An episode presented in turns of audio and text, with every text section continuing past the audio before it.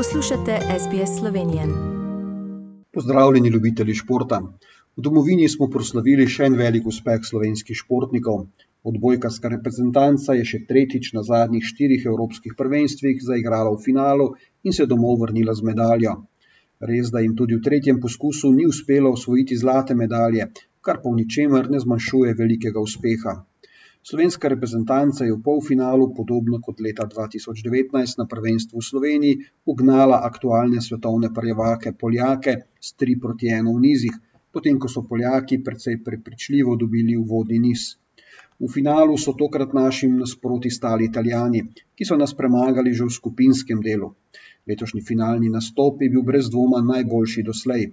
Naši so sicer izgubili uvodni niz, pa potem povedli z 2 proti 1 v nizih in bili dobro na poti tudi v odločilnem petem nizu, ko pa je daljša italijanska klop rezervnih igralcev vseeno prevesila tehnico v prid naših sosedov.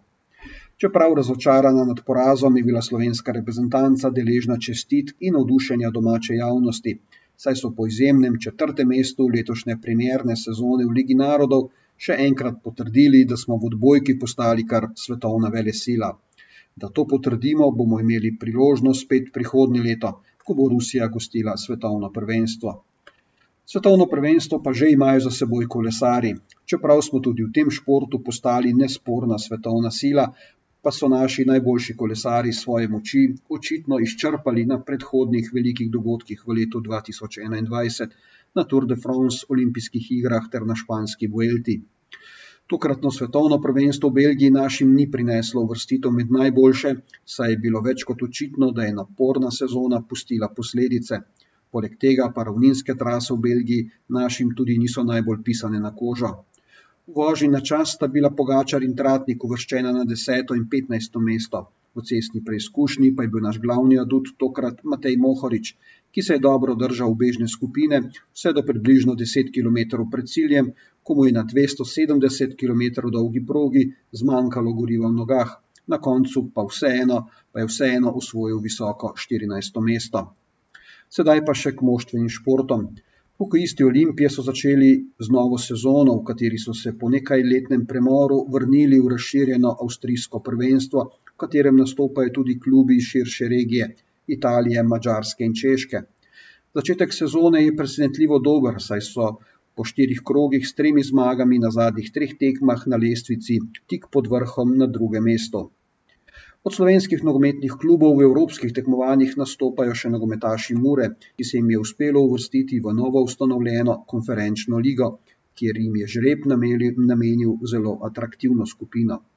Za Moraši sta uvodni dve tekmi, ki sta se žal obe končali s porazom. Doma so bili z dve proti nič od Mure boljši nogometaši nizozemskega Vitesa, v gosteh v Londonu pa so jih prav včeraj premagali nogometaši Tottenhama s 5 proti 1. Tretji njihov nasprotnik bo francoski Ren.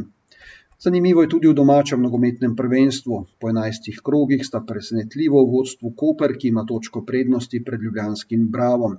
Olimpija in Maribor, ki se bosta drugič tej sezoni srečala v soboto, za drugim Bravom zaostajata že tri oziroma štiri točke. Sledil bo reprezentančni premor, v katerem bo slovenska reprezentanca odigrala dve tekmi v kvalifikacijah za svetovno prvenstvo in sicer v gosteh na Malti ter doma v Mariboru proti Rusiji. Možnosti za uvrstitev v Katar preko teh kvalifikacij so ostale zelo majhne, bo pa naša reprezentanca prihodno leto imela še možnosti, da si svetovno prvenstvo izbori preko končnice v tekmovanju Lige narodov. To je bil pregled športnega dogajanja v Sloveniji v minulih 14 dneh.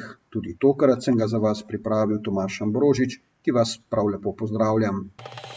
Želite slišati sorodne zgodbe? Prisluhnite jim preko Apple ali Google podcasta, preko aplikacije Spotify ali kjerkoli drugje.